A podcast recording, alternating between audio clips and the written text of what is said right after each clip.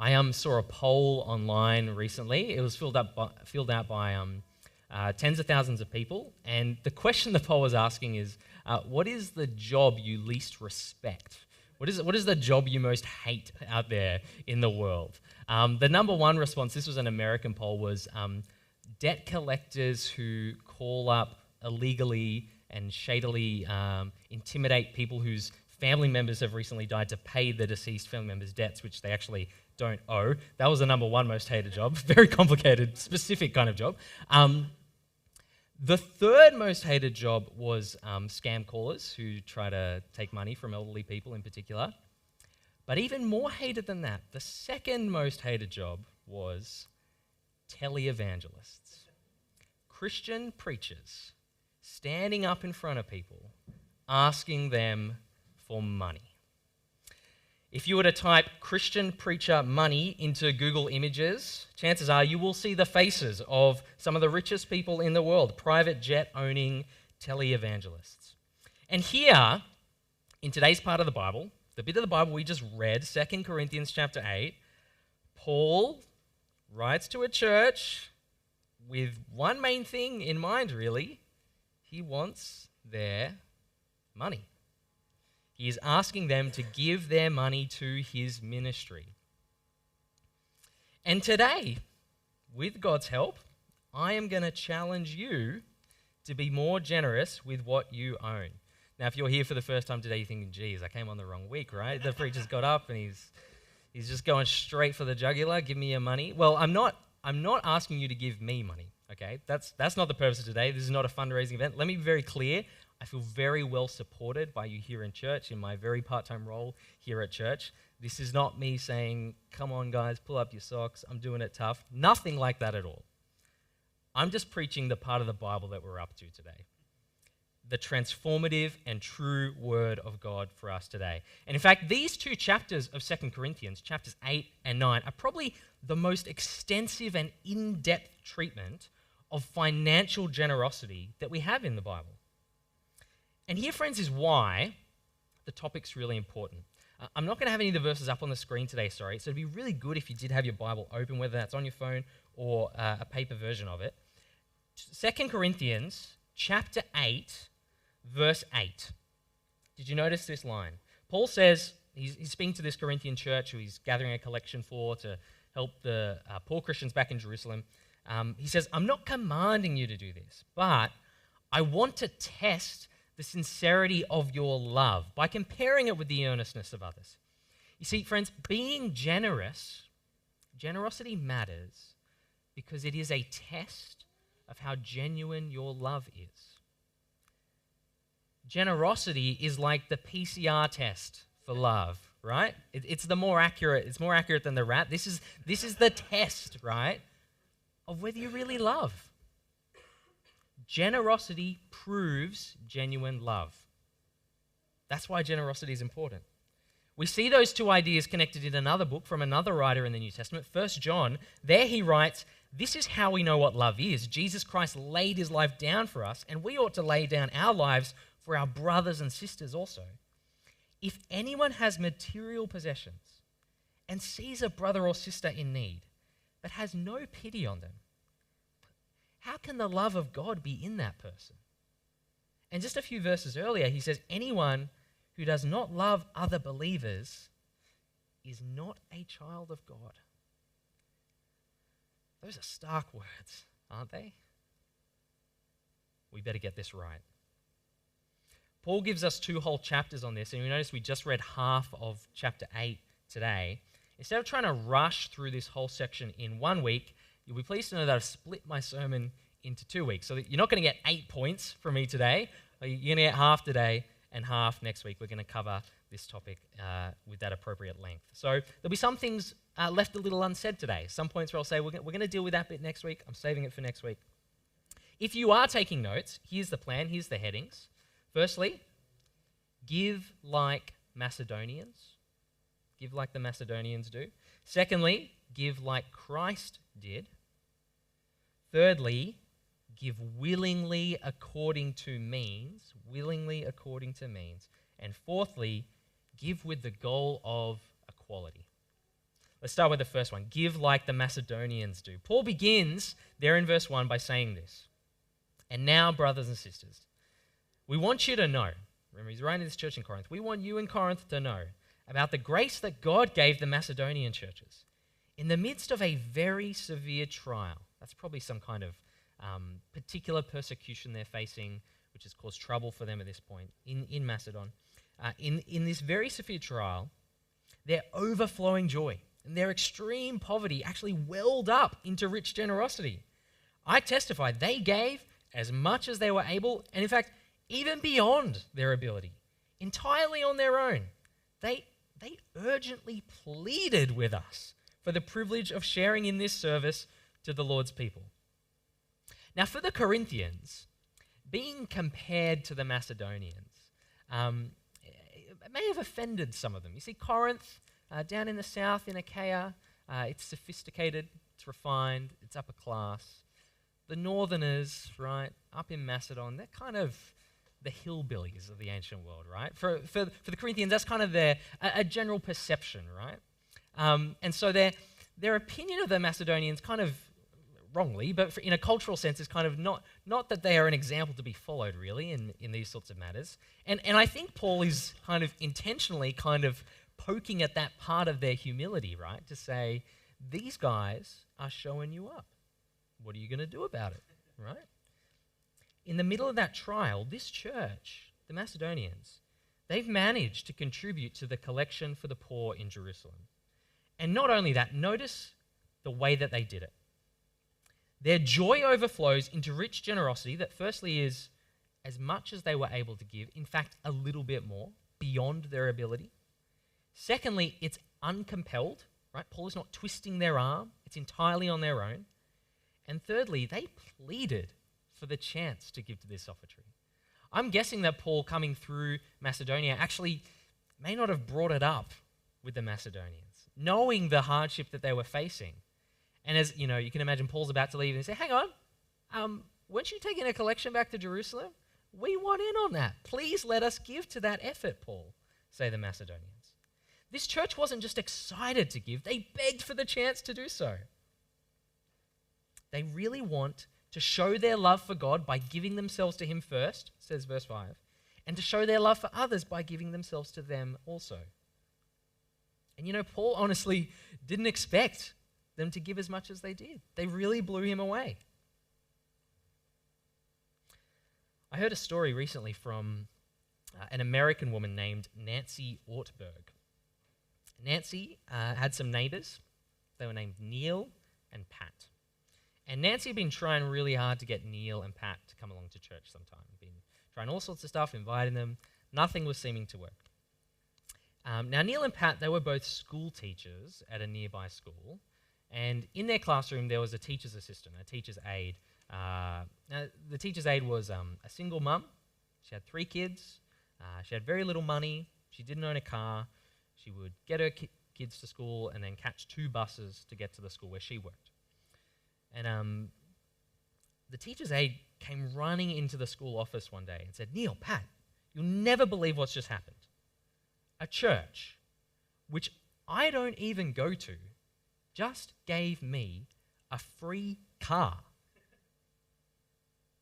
Pat and Neil like, what? are you sure? Ch- churches don't do that. and so Neil and Pat were recounting this story to Nancy after it had happened. And Nancy actually knew where that car had come from. It had come from her church. Here's what had happened. Five years earlier, one Sunday after the church service, a big, brawny guy, lots of tattoos, nicotine stains around his fingernails, went up to the pastor after the service, shook his hand, and said, I've been coming to this church for 18 months. My life was falling apart when I came here. My wife had just left me, she took the kids. I had multiple addictions, I'd lost my job. In fact, I probably shouldn't tell you this, Pastor, but the first Sunday that I came to church, I brought a gun with me, and I didn't know what I was going to do with it. Please, no one have that conversation with me after church. well, how do you respond as a pastor, right? Okay, um, where's this conversation going? Well, the guy went on, he said, I've been sitting here listening to your sermons and reading my Bible. And the more I've learned about Jesus and who he is, the more I be- actually started to believe that it was possible that he could help me, help me put my life back together. And so this guy told the story of how he got involved in a drug recovery group. Uh, his wife actually agreed to come back and get marriage counseling with him because he'd kind of reformed his life in so many ways. And then the guy said to the pastor, he said, Here's the thing I'm a mechanic. That's what I do. I can't preach, I can't sing, but I, right now, am so filled up with grace that I am about to explode if I don't do something with it. Now, I've noticed you have some rich people at your church. I know because I know cars. I also know that there's some not so rich people here at church. And a lot of the people that I see getting out of those bad cars are single mums. And I just want you to consider this idea. Maybe next time you get up to preach, tell those rich people the next time that they're going to sell their car, they don't need the resale value. Why don't they donate it to the church? And here's the idea me and a bunch of the mechanics here at church will go sell that car at auction because we know how to do that. And then with that money, we can buy five decent cars that need a little bit of work and we'll fix them up and then we'll give them away to the single mums. And the pastor said, Sure, let's, let's try it. You know? They tried it. And in a recent year, that church, within the space of one year, gave away 200 cars to single mums. Now, they're, they're clearly a certain size of church if they're gathering a team of five me- specialist mechanics and you know selling cars and donating cars and things like that. But there is generosity like the Macedonians, right? There is that kind of generosity. It considers all that's been given to you, realizing that everything I have is God's anyway. None of it really belongs to me. How can I use it for His purposes the best, right? This man thought, how can I go beyond in all the talents God's given me and the abilities I've got for His purposes and give it to others? Secondly, it's not compelled, there was no arm twisting. And thirdly, it, this guy went out of his way to be generous, to find opportunities. He was proactive and he took action. He pleaded for the chance to give. I've got an idea and I'm not just going to sit on it, I'm going to do something about it. That's what giving like the Macedonians looks like. But Paul doesn't just give them as an example. Secondly, he gives the example of Christ himself. Jump to verse 9. 2 Corinthians chapter 8 verse 9. There we read, "For you know the grace of our Lord Jesus Christ, that though he was rich, yet for your sake he became poor, so that you through his poverty might become rich." Now, out of context, this sounds like a pretty sweet verse, right? I become rich. Awesome. Now, um, do, does this verse promise us earthly riches? Some people read it that way. Some preachers and teachers in the world preaching right now believe that that's what this verse means. And I, I think they are severely wrong, and I think there are so many reasons, so many reasons why this verse is not talking about earthly riches as some guarantee and promise as the purpose for why Jesus came to earth. One obvious problem with that reading is well, if the purpose of Christ becoming poor was so that his followers might become rich. His apostles didn't seem to do a very good job. None of them were rich in any way. But more than that, let, us rewind to the start of that chain. In what sense is Jesus rich? Not earthly financial rich, right? Before he becomes incarnate, Jesus isn't rich in that sense. And I think Philippians chapter 2 explains to us how it is that God the Son became poor.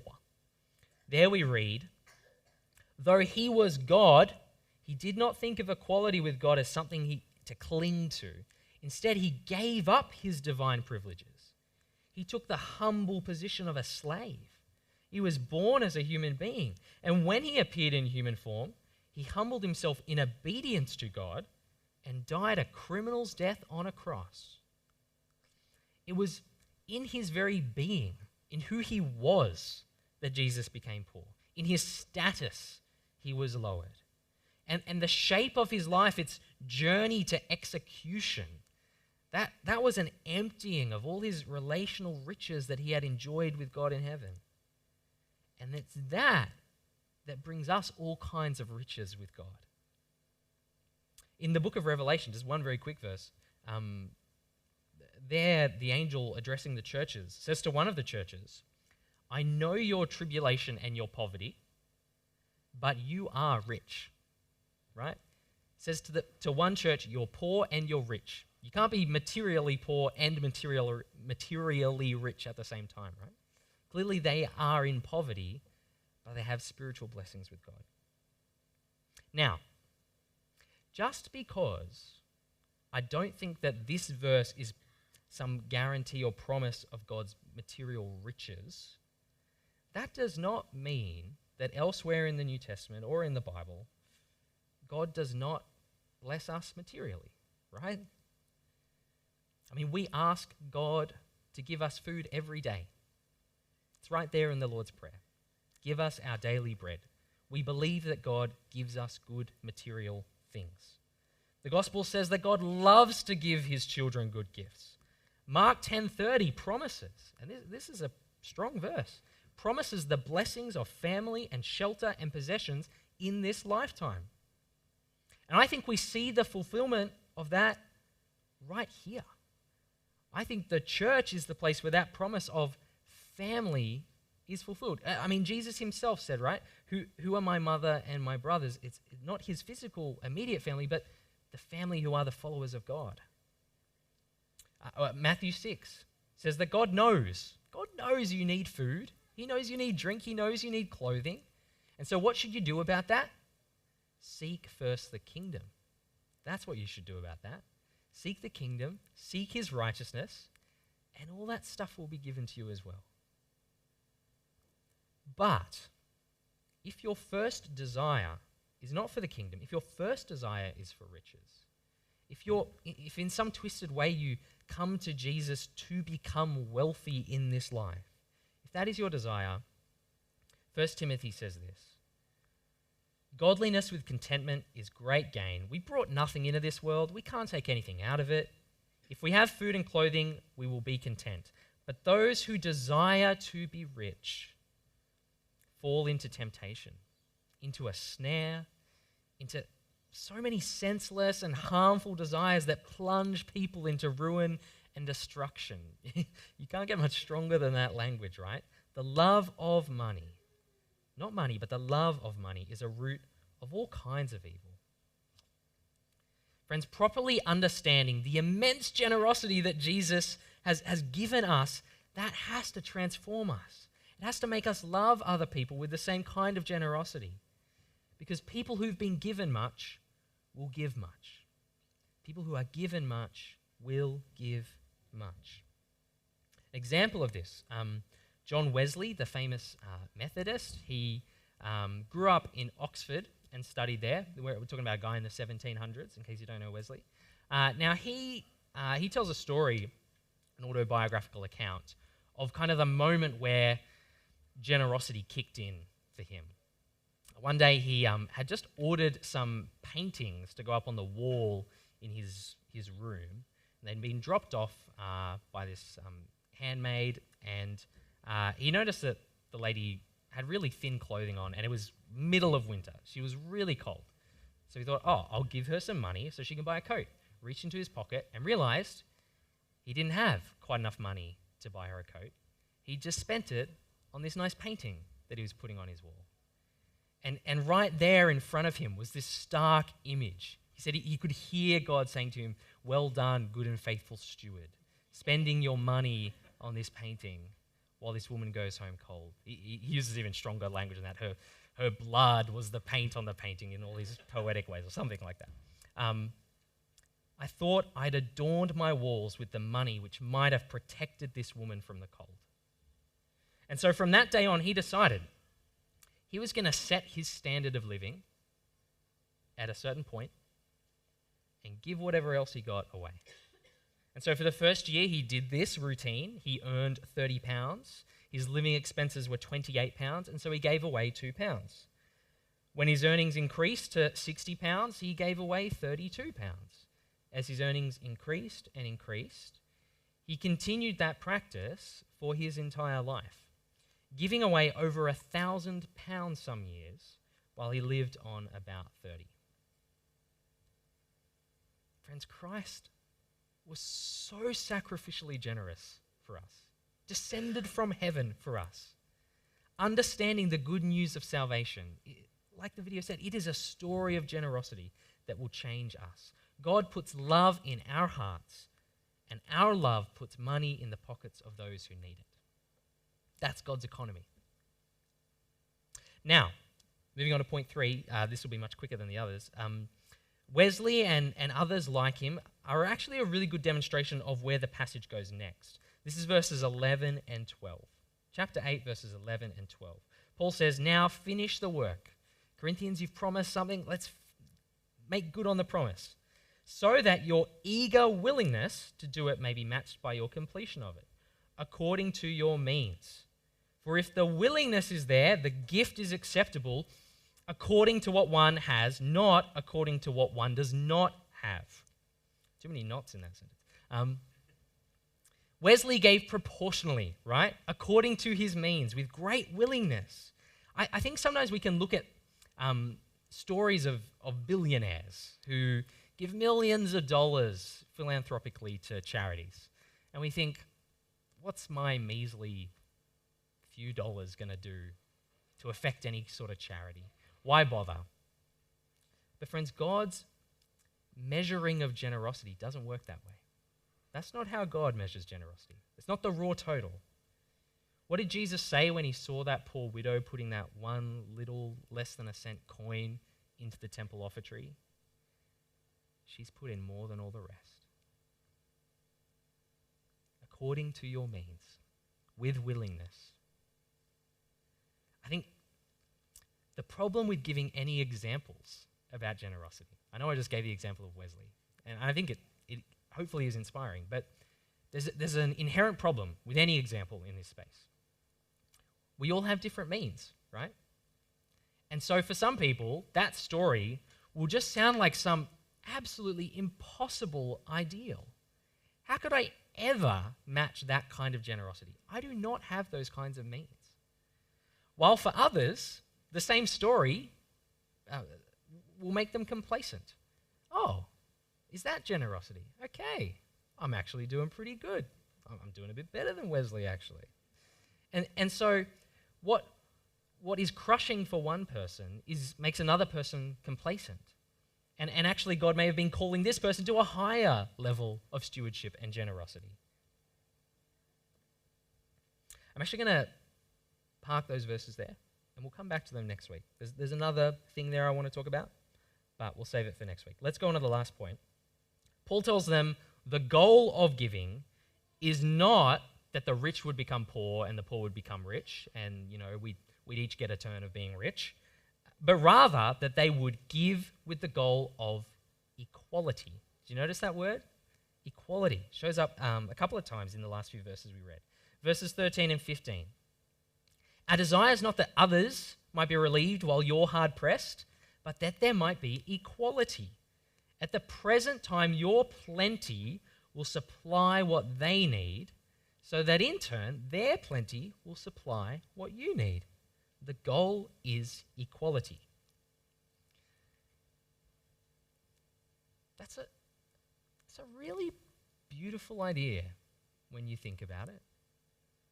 This idea that that, that the way God has, the, the way God wants his people to just organically and always treat each other is with the goal of equality. When you're in need and I've got plenty, I'll give to you. And, and when I'm in need and you've got plenty, you'll help me out. I read it put this way Nobody's keeping score, but there is a natural ebb and flow as we live together in dependence without, on the one hand, shame that would stop us asking for help, nor, on the other hand, greed that would stop us giving it. right? There should be no shame in asking for help within the body of Christ. Usually, we run on the principle that we work hard so we can play hard. Our default is that we spend as much as we can afford on ourselves. Paul says the way of Christ is to lavish whatever we can on others for the sake of the gospel. When um, Marin and I got married, um, we started renting a house. I don't think we purchased any of our furniture in that house. Our dining room table, its chairs, our couch, our bed, our washing machine, the large study desk in our study, that and more was just given to us. Just, just generous people at church, just friends and family, helping us out as we found our feet as we kind of became adults in the world, right? And as we are now able to, we help others out in the same way. Plenty and need, plenty and need. I, I think there are some assumptions about wealth in our world, some, some ideals of financial wisdom that the scriptures actually call us to question. We need to be careful that we don't just absorb secular wisdom in financial matters. I, I want to say most of it is good. We, we should be wise in, in our stewardship of money and we should take the best of secular ideals about financial investing, etc., etc. But let's always question it and, and make sure gospel priorities are coming first. I would rather be known for being a little overly generous at the risk of being too trusting than being a little too overly discerning at the risk of being stingy. If I had a choice between the two, I'd pick the former. Now, that does not mean, the scriptures are clear about this, that does not mean that we are thoughtless or unwise in the way we manage or give our money. In fact, we're given a really good example of how, in some cases, genuine love will actually look like we are withholding generosity from people. I won't read it out now, but the last chapter of Second Thessalonians, we, we, we're told that if, if someone is idle, right, if someone is being a freeloading moocher, then don't enable that behavior, Paul says. That sort of ungodly idleness that takes advantage of someone else's hospitality and generosity. Paul says, treat them like a brother or sister, but also warn them. Warn them so that they might repent of that ungodliness. Bringing us back to Paul's point, we're told to supply the needs of others. I recently read about a church, um, must be reading books by Americans, another American example, um, a church in Seattle that decided they were going to raise funds so that young first time home buyers could pay cash outright for their properties. These Christians then entered into contracts with the church to pay back as they could what their mortgage payments would have been so that they could fund further ministries and then create more home buying opportunities for other church members. Now, when you consider that the average Westerner spends more on repaying a mortgage, the principal and interest, than they do on any other single in lifetime expenditure, I think it's sad that there aren't more, more Christians, more churches that are seeking to replicate that sort of just creative model of generosity. All right, we're going to save the rest for next week. At this point, I want to end with just one question for you. Ask yourself How is my generosity going? Think about what you have. Think about how you use it. Think about how you give it away, how you plan to be generous. How's it going? Friends, having Jesus as your Lord means that you are freed from having money as your Lord. You are not a slave to it, you are free to be generous with it. So, are you? Are you giving like the Macedonians who were joyful and enthusiastic in their giving? Are you giving like Christ did, who was sacrificial, giving up everything for the sake of others?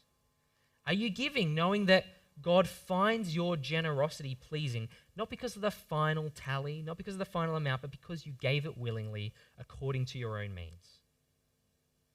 Are you giving with the goal of equality, looking out for those who need, so that those with more will say no to greed and give happily to those who are unashamed to ask for that help?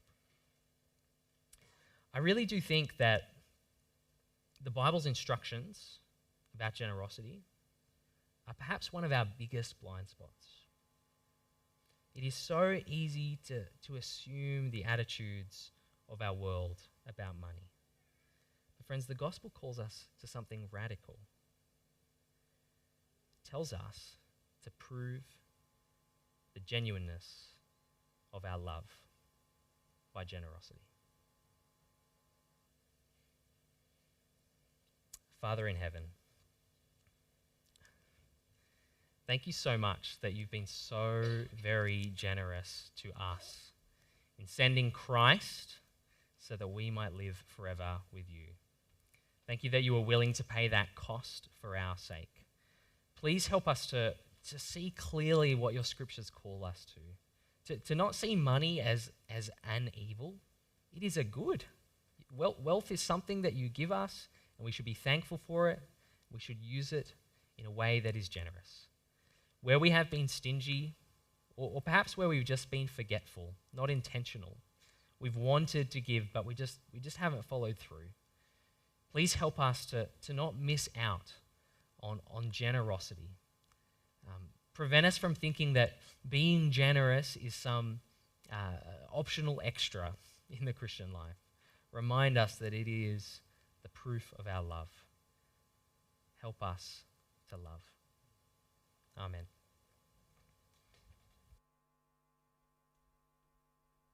Let's stand and sing again.